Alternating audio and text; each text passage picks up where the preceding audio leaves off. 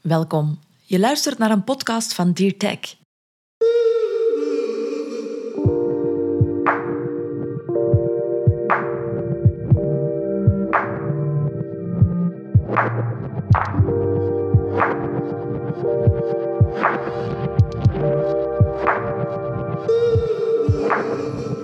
Wij geloven dat technologie, als we het goed aanpakken, ons meer mens dan ooit kan maken en de belofte van een utopie op aarde in zich draagt. We stellen lastige vragen aan experts in technologie, maatschappij, politiek, ethiek en filosofie. Om het debat over onze digitale toekomst van meer inhoud en nuance te voorzien. Voor de tweede aflevering van deze podcast trok ik naar Gent om een nog levende filosoof te interviewen, wat voor de nodige zenuwen zorgde. Ik had een afspraak gescoord met professor Ignace de Vis. Zijn expertise ligt vooral in de medische sector en de ethische vragen die zich daar opdringen. Hij schreef echter ook een boek over tijd en hoe wij daarmee omgaan met tijd. Aangezien technologie veel te maken heeft met hoe we onze tijd privé en professioneel spenderen, hoopte ik dat professor De Vis met zijn filosofie over de rusteloosheid licht kon schijnen op deze materie. We maken zelf de keuze om niet te willen kiezen en alles te doen, maar zolang het leiden van een maximaal leven als ideaal geldt, spiegelen wij ons aan de technologische vooruitgang, ook al lijden we eronder. Um, die spiegeling aan de vooruitgang en de mhm. manier waarop dat we leiden, mm -hmm. is mij niet helemaal duidelijk. Ah, oké. Okay. Uh, wat ik in dat citaat heb proberen duidelijk maken is als we enerzijds klagen over we hebben veel te veel te doen uh, en anderzijds toch er blijven naar streven, dan denk ik dat we moeten kijken wat is de logica erachter. En wat ik onder meer in mijn boek Rusteloosheid heb geprobeerd is om te kijken waarom zijn zoveel mensen nu en aan het klagen en tegelijkertijd ernaar aan het streven. En dat hangt, het is een heel lang verhaal, hè, maar dat hangt onder meer samen met de definitie van zeg maar, het goede leven, om nu het heel algemeen te stellen. Is dat heel veel mensen ervan uitgaan, als je niet alles uit je leven hebt gehaald wat je kan, dan heb je geen goed leven gehad. Dus dat wil zeggen, alles wat ik kan doen, moet ik ook proberen doen.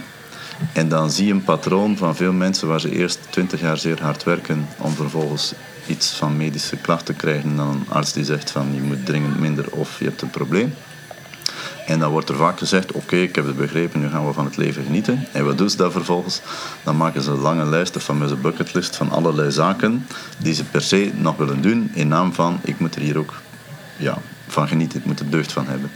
Uh, maar dat impliceert dan niet dat het kalmer wordt, Integendeel, want dan ga je eigenlijk met hetzelfde tempo proberen alles wat in je vermogen ligt om alles wat je nog zou kunnen ervaren, toch nog te ervaren. En dan gaat het om het feit van hoe meer, of dat is toch de logica die eronder ligt, hoe meer we ervaren hebben, hoe beter. Je zou ook kunnen zeggen, ik ga één keer een berg beklimmen en ik doe daar een half jaar over en elke honderd meter dat ik stijg zet ik mijn intentie neer en ik denk na over het leven en als een metafoor eh, hou ik mij daarmee bezig. Nee, nee, zo snel mogelijk die merg op, de foto nemen, op naar het volgende. Dus ik heb daar inderdaad gespiegeld dan hoe, hoe technologie vaak vooruit gaat, namelijk telkens de grens van wat er is te proberen overtreffen. Dus de, de wijze waarop de economie bij uitbreiding op de samenleving werkt, is als je niet beter doet dan de vorige keer, dan scheelt er iets met jou dan heb je het verkeerd gedaan. Dus als we niet meer prikkels ervaren dan de generatie voor ons, dan staan we stil. En stilstaan is achteruitgaan, schijnt het, dat is cliché. Uh, dus moeten we proberen om elkaar te overtreffen in het opdoen van ervaringen. Dat je kan zeggen, ik ben daar geweest, daar en daar daar. Ik heb die en die en die, die hobby gedaan. Ik heb 17 jobs, 85 relaties. En dan is de vraag, en ben je dan gelukkig? Maar dat is dan voor een volgend leven. Maar ik heb het tenminste allemaal meegemaakt. Hè? Dus die, die gedachte van uh, kwantitatief ervaringen opdoen, uh, leidt volgens mij niet tot een toename aan geluk, maar wel tot een toename aan je hebt inderdaad dingen meegemaakt. Waarbij we ons de vraag kunnen stellen: ligt geluk besloten in het feit dat we zoveel mogelijk meemaken, of eerder in de wijze waarop we iets meemaken en wat we eigenlijk echt willen meemaken? Voilà, en dan zijn we voor zeven uur vertrokken. Ja. Dan ga ik jou niet meer lastigvallen. um, Nu, het, uh, het versnellen of de, de, we kunnen veel meer doen in minder tijd, um, wordt ook ergens mogelijk gemaakt door um, wetenschappelijke vooruitgang en technologische vooruitgang.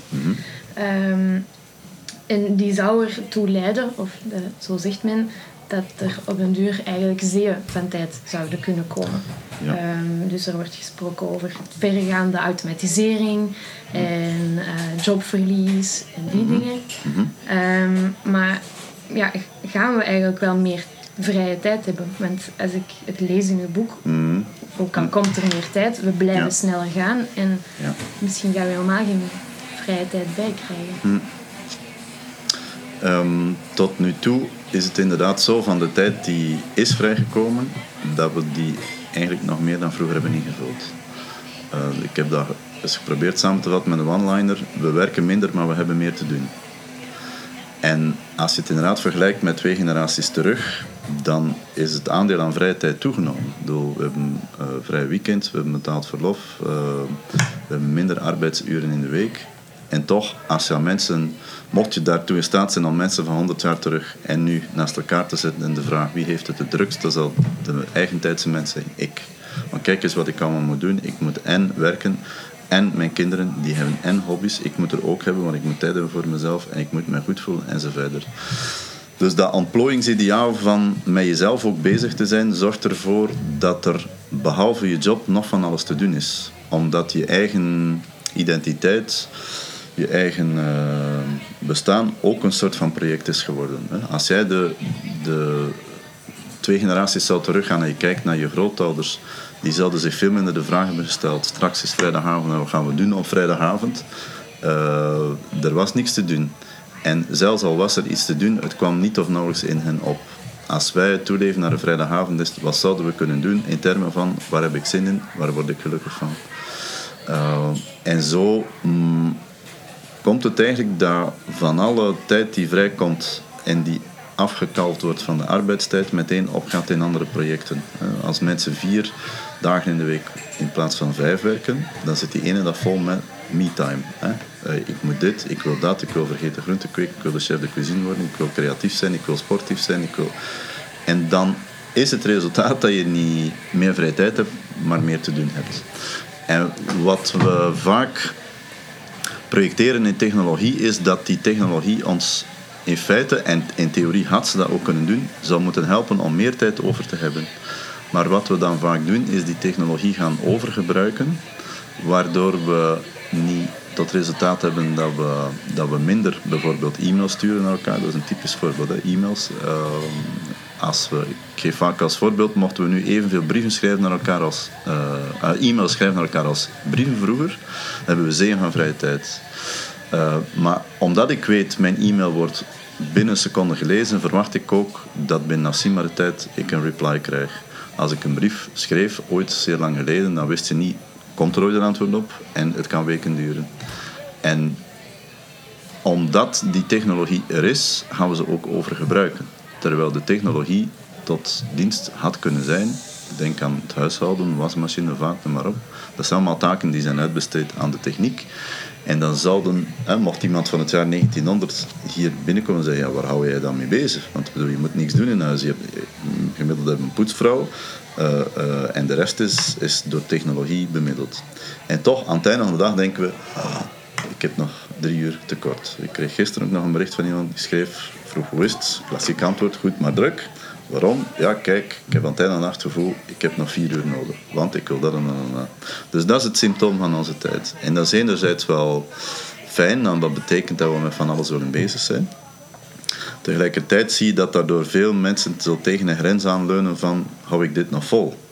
En dan wordt er altijd gezegd, is de schuld van het neoliberalisme. Dan denk ik, ja, goed. Voor een stukje zit dat er natuurlijk wel in. Tegelijk verplicht dat neoliberalisme ons totaal niet om onze vrije tijd vol te stouwen met duizend en één activiteiten. Dat doen wij onszelf ook aan. En het is daar dat we als het ware ons de vraag moeten stellen, willen we dat nu? Of doen we dat om mee te zijn met onze tijd? Want dat is natuurlijk ook een belangrijke drijfveer. Als je niet meer dan met je tijd hebt, probleem. Dan ben je ouderwets of een loser. zoiets. Of super authentiek. Dat is dan ook weer. Ik trek mij van niets aan, ik ben mezelf. Maar dan ben je ook een mooi symptoom van je eigen tijd. Ja, dat is waar. Ja. En is het dan de vrije tijd die eigenlijk wel is vrijgekomen ehm, en misschien nog meer gaat vrijkomen, gaat het dan over de manier waarop dat we die invullen? Ehm, je sprak daar juist over het goede leven. Ehm, zijn mensen daar misschien niet zo goed in? In zoveel vrije tijd hebben, omdat dat ook iets nieuw is. En dat we eigenlijk niet goed weten hoe dat we goed voor onszelf moeten zorgen en ons bij gevolg bijvoorbeeld verliezen in technologieën die daar maar al te graag onze aandacht eh, ja, nemen en doorverkopen. Ehm, ja, misschien zijn we niet goed dus in vrije tijd. Kan dat? Ja, ik vind dat een zeer mooie vraag, omdat er inderdaad, als je kijkt naar de maatschappij waaruit we voortkomen en degene waar we nu in leven, dan was dat toch vroeger een maatschappij die veel meer de bakens uitzette van nu is het werktijd, dan mag het ophouden, nu is het zondag, dag van de Heer, dan moet je naar de kerk dan, en dan moet je niets doen enzovoort. Die bakens zijn weggevallen, het is te zeggen, we hebben ze zelf omvergegooid, omdat we dachten, niemand vertelt mij wat ik moet doen, dus ik mag alles van mezelf. Maar dat is wel een veel grotere opgave in termen van een grens stellen aan jezelf in termen van wa- wanneer heb ik genoeg gewerkt? Wanneer kun je dat zeggen? Als het, het was in zekere zin bevrijdend als de fabriekspoort dichtging om vijf uur was het ook gedaan. Je kunt zeggen tot aan vijf uur was het lastig, dat is waar. Maar na vijf uur was het voorbij. Als je nu naar huis gaat, heb je smartphone mee of je laptop en s'nachts om 12 uur kun je nog e-mails zitten lezen en kijk eens hoe productief ik ben. Maar dan is de vraag, waar stopt dat? Dus dat is al een eerste moeilijkheid. Dus je hebt geen maatschappij meer die zelf grenzen stelt, dus wij moeten het doen. Wat vrije tijd betreft, en dan koppel ik dat opnieuw aan je identiteit, wanneer heb je genoeg gedaan om iemand te zijn? Om een persoonlijkheid te zijn. Hè? Want als je, als je gaat eh, solliciteren, je hebt twee diploma's, word je niet getest op de diploma's, maar op je persoonlijkheid. En dan kijken ze naar jouw existentiële cv. Wat doe jij zo, mevrouw, in jouw vrije tijd? Als je dan gewoon schrijft niks, dan zeggen ze, tja, die persoon heeft een complete tekort aan dynamiek. eh, er schuilt geen... ehm, geen zin voor initiatieven, die gaan we niet uitnodigen. Maar als je kan zeggen, ja, maar ik, eh, ik heb al die cursus gevolgd, calligrafie, ik heb een marathon gelopen, ik heb er van toe opgereden, ik kan enorm goed koken, ik heb zeven kinderen, nee, dat, dat staan niet, twee kinderen, eh en zo verder. Dan geef je blijk van, kijk eens wat ik allemaal, waar ik allemaal voor sta. En daar zit er ook geen, geen bovengrens in. Want je kunt altijd nog meer doen, je kunt altijd nog groeien. Dat is de centrale metafoor van onze tijd. Je moet groeien in je relatie, als persoon, in je job enzovoort. Altijd maar groeien tot de hemel eh, eh, in zicht is. Maar omdat er geen bovengrens aan zit, is het ook nooit genoeg. En dat zie je zeer goed in je vrije tijd. Waarom? Je zou de vraag kunnen stellen waarom vier hobby's en waarom niet één? Eh, of waarom moeten we hobby hebben? Maar dat zijn niet de vragen die we stellen. Het is eerder van, dat wil ik ook nog doen, god, dat is ook interessant. En dan wordt het moeilijk kiezen, want je hebt keuze in overvloed. En dus is inderdaad wel de hele kwestie, misschien moeten we nog leren omgaan met het feit dat er geen grenzen meer zijn, omdat we ze zelf hebben afgeschaft. En als je, ik ga het eens proberen simpel te verwoorden, als je tussen twee zaken kan kiezen, eh, dan is het dat is niet moeilijk. Wit of bruin brood. Ik bedoel, gaat daar niet zwaar van in crisis raken. Dan denk oké, vandaag wit, morgen bruin. Als je duizend keuzemogelijkheden hebt, dan wordt het lastig.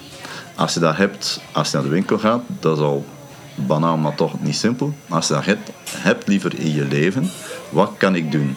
Ik kan en studeren en niet studeren. Ben ik homo of hetero? Wil ik een relatie of niet? Wil ik een vaste relatie of niet? Wil ik alleen wonen, in groep wonen? En dan krijg je duizend en één keuzes die de hele tijd de jouwe zijn. Want als jij niet kiest, dan heb je toch gekozen. En ik, ik merk wel dat daar een enorme worsteling mee zit in onze tijd. Eh, we mogen heel veel kiezen, maar je kunt aan, de, aan het feit dat je moet kiezen niet meer ontsnappen. En dat is veel moeilijker dan we dachten, neem ik aan. Ja. Ik denk dat daar echt wel een knoppunt zit. En in het kiezen tussen eh, mogelijke zaken om in uw vrije tijd te doen, zijn daar ehm, verschillende statussen aan toe te kennen. Ehm, is er een verschil tussen iets wat afleiding is ehm, en iets wat zelfontwikkeling bevordert, bijvoorbeeld? Is dat ook de moeilijkheid van ja, wat, wat maakt dan onze vrije tijd waardevol? Uh, bedoel je waardevol voor jezelf of voor de Ja. omgeving? Om naar het goede leven meer Mm. toe te gaan, bijvoorbeeld. Maar ik heb vaak de indruk dat we in onze vrije tijd ongeveer hetzelfde doen als overdag, namelijk proberen ehm, grenzen te verleggen om anderen te overtreffen. Eh, als mijn buurman een half marathon loopt, wil ik een marathon lopen, dan wil hij er ook in lopen. Dan, dan loop ik hem in drie uur en een half en wil hij hem in drie uur vijftien en dan gaan we tegen elkaar opbieden. Dus die sociale verhoudingen die zitten er heel sterk eh, in. Maar de vraag is dan, doe je iets om, om, om ja, je, positie, je te positioneren ten opzichte van anderen? Kijk eens, ik heb een marathon gelopen, trapje omhoog in de sociale ladder, twee keer ervan toe opgeklommen, maar één keer dat is banaal, je moet dat twee keer na elkaar doen. En zo verder.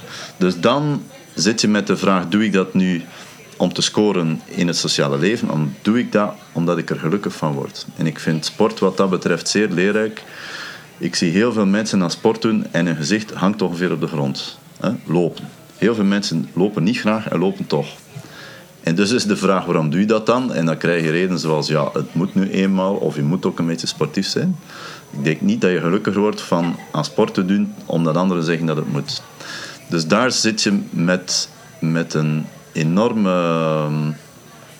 ja, moet ik het zeggen, een, een kloof tussen wat, wat we in feite onszelf aan doen om toch maar ergens mee te zijn met de tijd, versus waar we eigenlijk echt gelukkig van worden.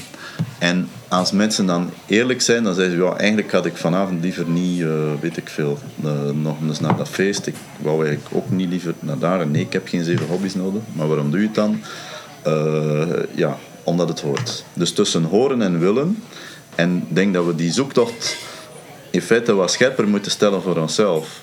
Als je iets moet, dan is het bevrijdend om ergens tegen te zijn. Hè. Als de pastoor zegt je moet, dan denk ik, ja, ja, het zal wel zijn, ik doe vooral dat ander. Dus die pastoor gooien we eruit. Maar dan is de vraag, nu kan ik alles doen. Maar wat dan? En dan hebben we, denk ik, een beetje naïef gedacht dat we alleen nog in vrijheid zelf autonome keuzes aan het maken waren. En dat bestrijd ik te stellen. Dus als je kijkt wat mensen kiezen, dan zitten die patronen min of meer gelijk. Kijk hoe we ons gedragen, hoe we ons kleden, onze huizen zijn ingericht. We denken allemaal individuen uniek te zijn. No way. Eh, we, we lijken behoorlijk goed op elkaar. Dus die pure autonome vrijheid die is ingevuld door mijn spiegeling aan anderen. Hoe, hoe reageren anderen op wat ik doe? Oei, die doet dat, dat is succesvol, dan ga ik mij daar ook op afstemmen. Dus die, die, die, eh, die keuzes die maken we niet alleen. Maar dat betekent ook dat we onderhevig zijn aan sociale normen. En die zijn moeilijk grijpbaar. Want waar, wie is plots op het idee gekomen dat we allemaal een marathon moeten lopen? Eh, er is niemand die jou of mij heeft verplicht. En als je het maatschappelijk bekijkt, blijven, het, blijft het aantal mensen dat marathons loopt stijgen. Omdat onze tijdsgeest zegt, het past goed bij jou, dat geeft blijk van doorzettingsvermogen, van discipline, sportiviteit uiteraard, dat ziet er beter uit. Dus je moet dat doen. Dus is dat iets dat er is en zeer moeilijk grijpbaar is. Het is niet verplicht en toch voelen we iets in onszelf, het zou beter zijn mocht ik het gedaan hebben. En dat is de moeilijkheid van een maatschappij waarin heel veel mogelijk is en tegelijkertijd toch ergens normen hangen die sturend inwerken op ons gedrag. Ook al omdat we vaak pas te laat beseffen dat we het eigenlijk niet zelf hebben gekozen, maar het doen omdat het nu eenmaal past binnen de tijd. En ik denk dat we daar de, ja, de, de, de spiegel iets meer mm, voor onszelf moeten houden. Van wat willen we nu eigenlijk echt? Of wat is mij aangepraat? Of wat heb ik mezelf aangepraat? Zo zou je het ook kunnen zeggen. Maar ik denk dat daar vaak eh, heel veel zit. Ja. Ehm, ik zou nog een, eh, nog een citaat aanhalen. Mhm. Zelf raden of dat van u is dan. Ehm, als er apparatuur in ons huis aanwezig is die steeds beantwoord wil worden, is dat geen dwang, maar ook niet echt vrijheid. Ehm, zou je dat kunnen verduidelijken wat je daar bedoelt? Als er apparatuur in... In ons huis aanwezig is die, beantwoord, die steeds beantwoord wil worden, is dat geen dwang, maar ook niet echt vrijheid. Ah. Dus eigenlijk de, het idee van, van hoe technologie aanwezig is in ons Ja. leven, Ja. maar dat Hm. dat niet per se altijd eh, ja, ons meer vrij maakt. Of ook een bepaalde dwang of tijdrovend kan zijn. Ja. Dat las ik er toch in. Oké, wel denk aan de signalen van, van, eh, van smartphones of eh, laptops. je kunt zeggen, als er een geluidje afgaat, ben ik verplicht om ernaar te kijken? Nee. Heb ik de neiging? Ja. Ehm, moet ik elke mail meteen beantwoorden? Nee, natuurlijk niet. Doen veel mensen dat? Jawel. Dus het geluid appelleert je, geeft eigenlijk een signaal, je hoort naar mij te kijken.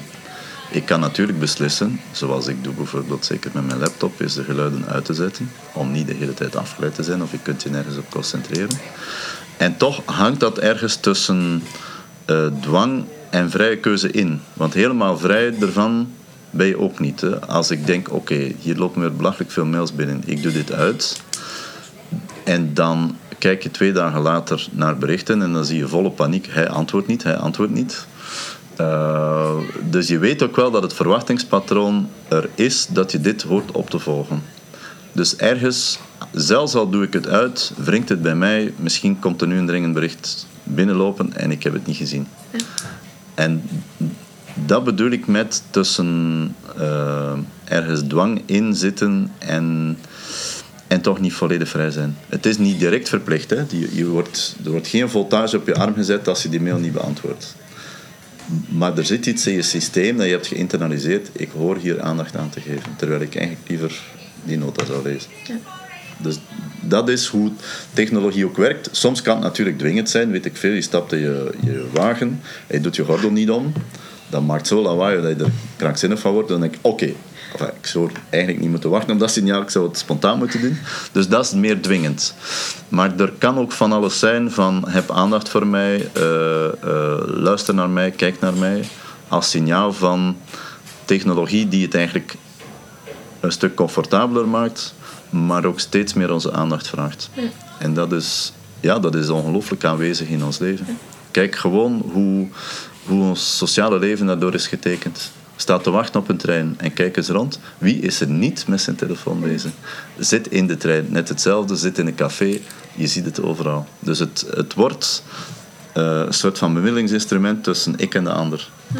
En vind dat ergens fascinerend om te zien. Tegelijkertijd vraag ik mij af of het ook niet heel belastend uh, is. Want daar klagen heel veel mensen ook over, die telefoon. Maar we hebben hem wel altijd bij. Ja. Ik ook. En is dat niet een manier waarop dat misschien uh, ja, de neoliberale wel hmm. zijn impact heeft op onze rusteloosheid of tijd? Ja, het heeft natuurlijk een impact. Ik denk dat het een, een, een katalysator is. Ik denk niet dat het de echte oorzaak is. Ik bedoel, zelfs al mochten we de economie hervormen, dan gaan we ons nog verliezen in van alles en nog. Daar ben ik behoorlijk van overtuigd. Maar het is natuurlijk wel zo, de wijze waarop het werkt met de fameuze slogan time is money, uh, dat betekent eigenlijk als je uitrust, verlies je geld. Want dat is de consequentie van time is money. Als ik niets doe en ik spendeer geld, ben ik twee keer mijn geld kwijt.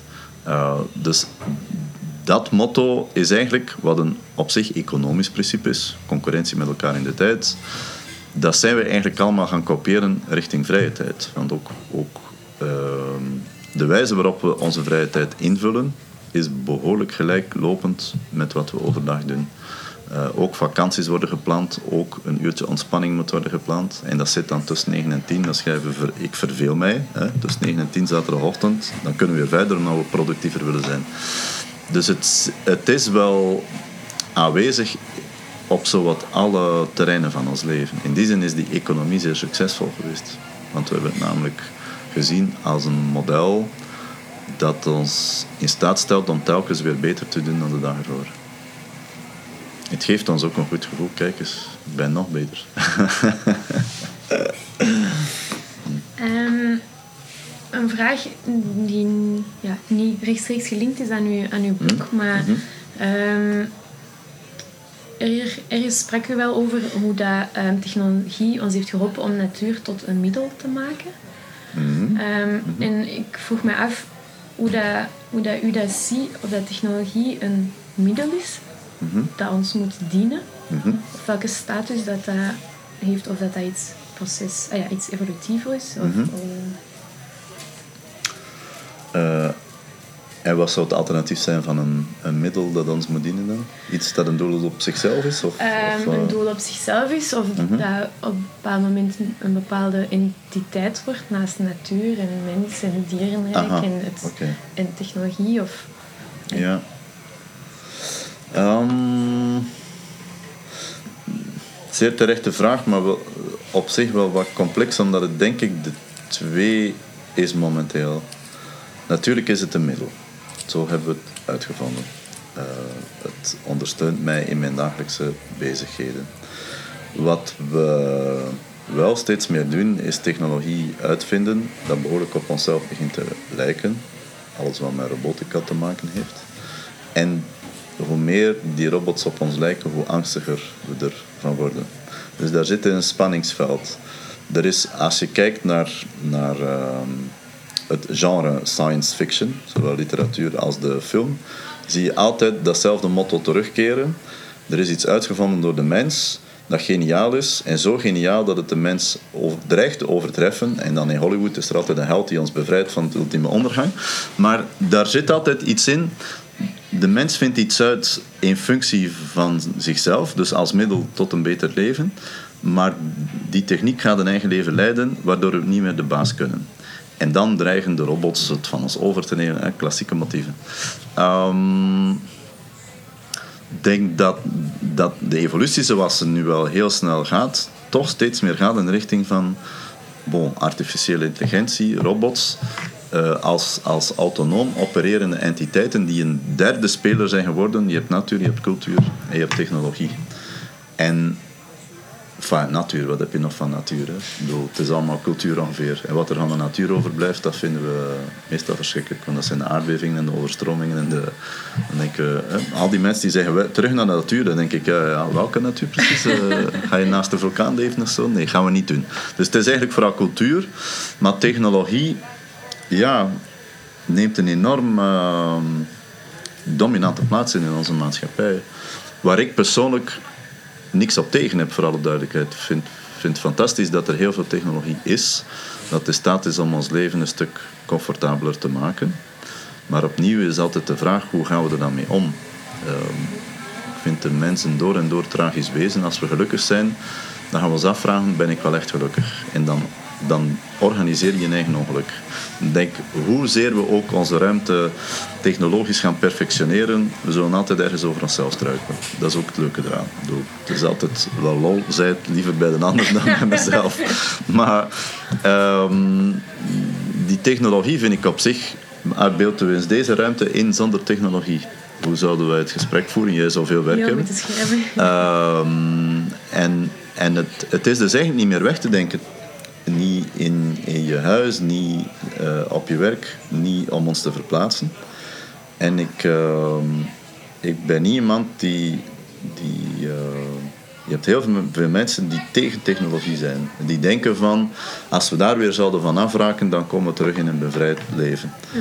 Dat is denk ik een, een mythe ja, die heel snel te doorprikken valt. Tuurlijk kun je technologie niet wegdenken. Het, het is zeer sterk aanwezig. En er is geen omgeving meer die, daar, die zonder die technologie kan functioneren.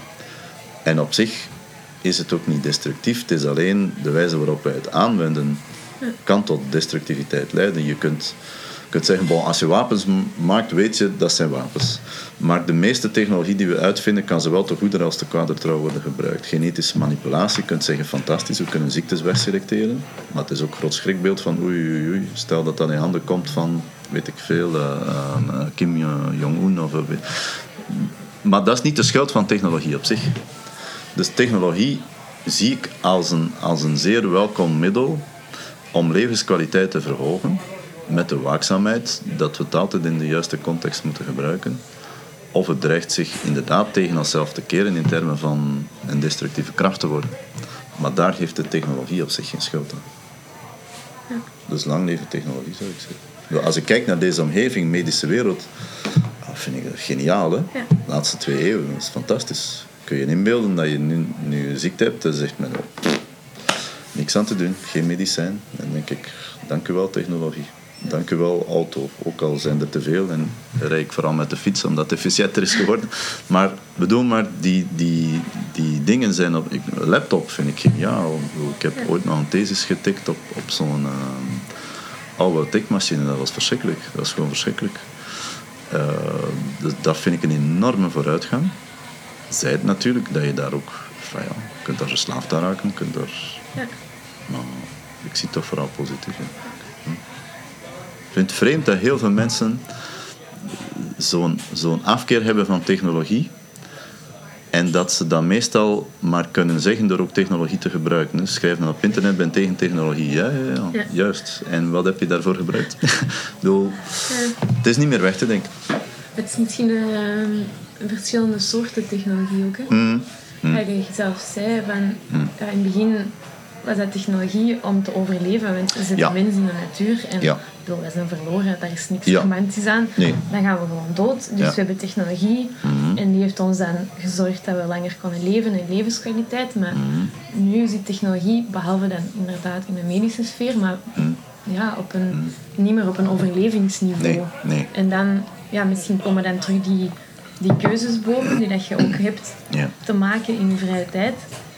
Maar die keuzes worden nu wel vrij, zou ik zeggen, economisch ingegeven over wat er al dan niet ontwikkeld wordt. Dus misschien Ja. dat er daar een wantrouwen... Ja, dat is een, ja, dat is een terecht punt. Ook wat de medische wereld betreft. Hè. Waarom worden er heel veel onderzoeken gedaan naar genetica en neurowetenschappen? Omdat daar heel veel geld zit.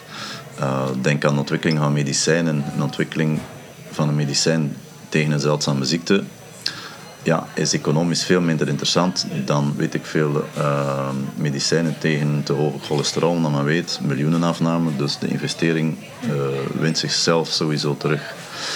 Eh, vandaar dat je gelukkig nog een samenleving hebt naast de markt, in principe, die corrigerend optreden in termen van welke prioriteiten hebben we nu als mens en welke zijn de grootste noden. En ik hecht heel veel belang aan politiek. Tegelijkertijd ben ik er vaak sterk onthoogd in. Maar ik blijf het een harde noodzaak vinden dat je een goed politiek bestuur hebt.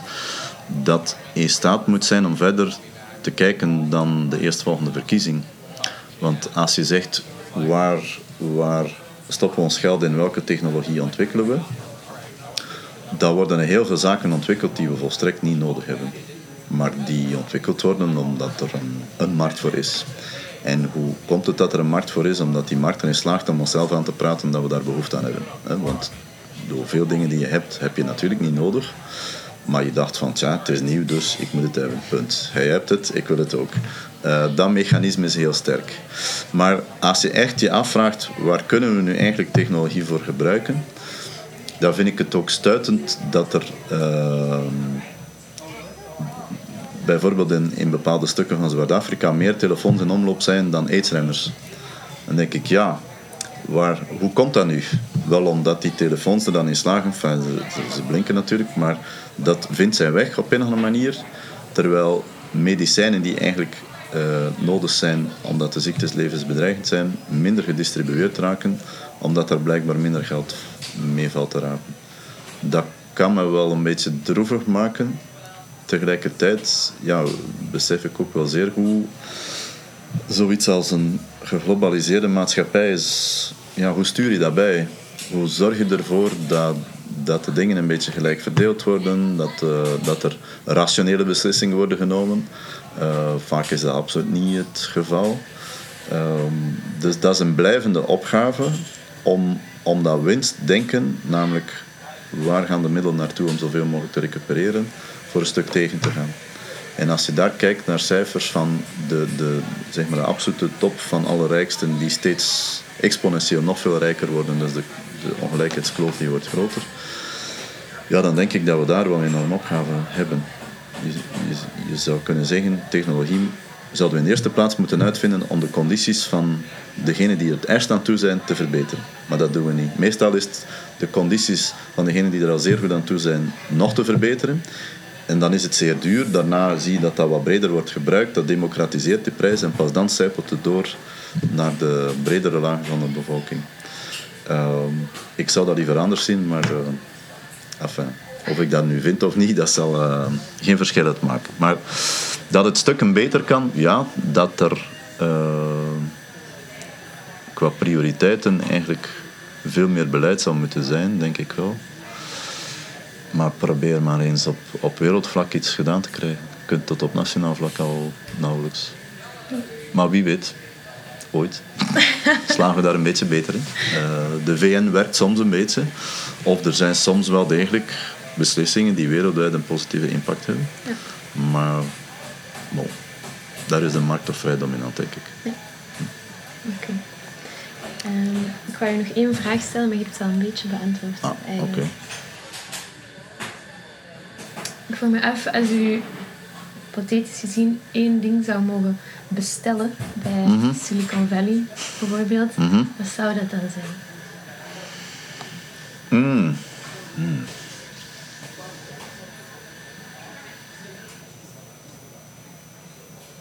Dat vind ik echt een moeilijke. ik heb ook zo de andere Heb je geen meer eh, keuzevraag?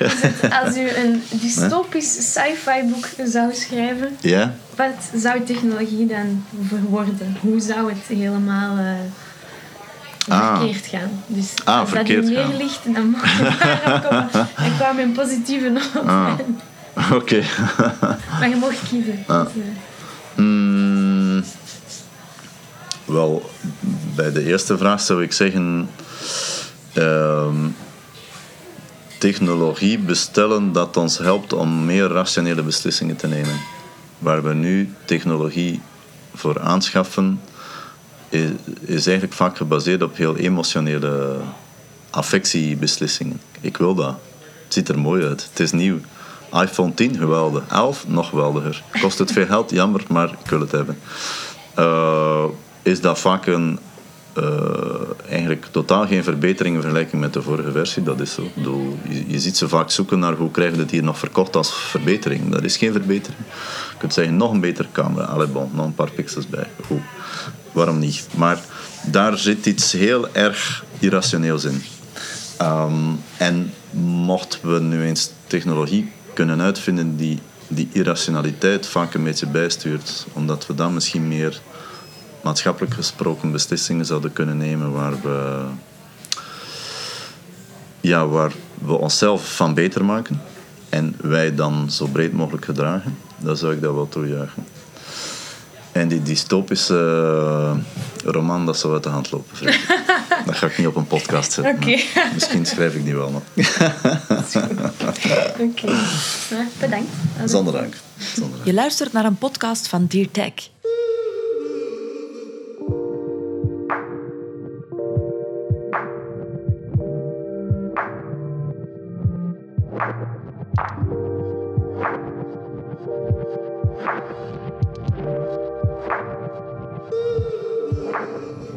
Wij geloven dat technologie, als we het goed aanpakken, ons meer mens dan ooit kan maken en de belofte van een utopie op aarde in zich draagt. We stellen lastige vragen aan experts in technologie, maatschappij, politiek, ethiek en filosofie. Om het debat over onze digitale toekomst van meer inhoud en nuance te voorzien.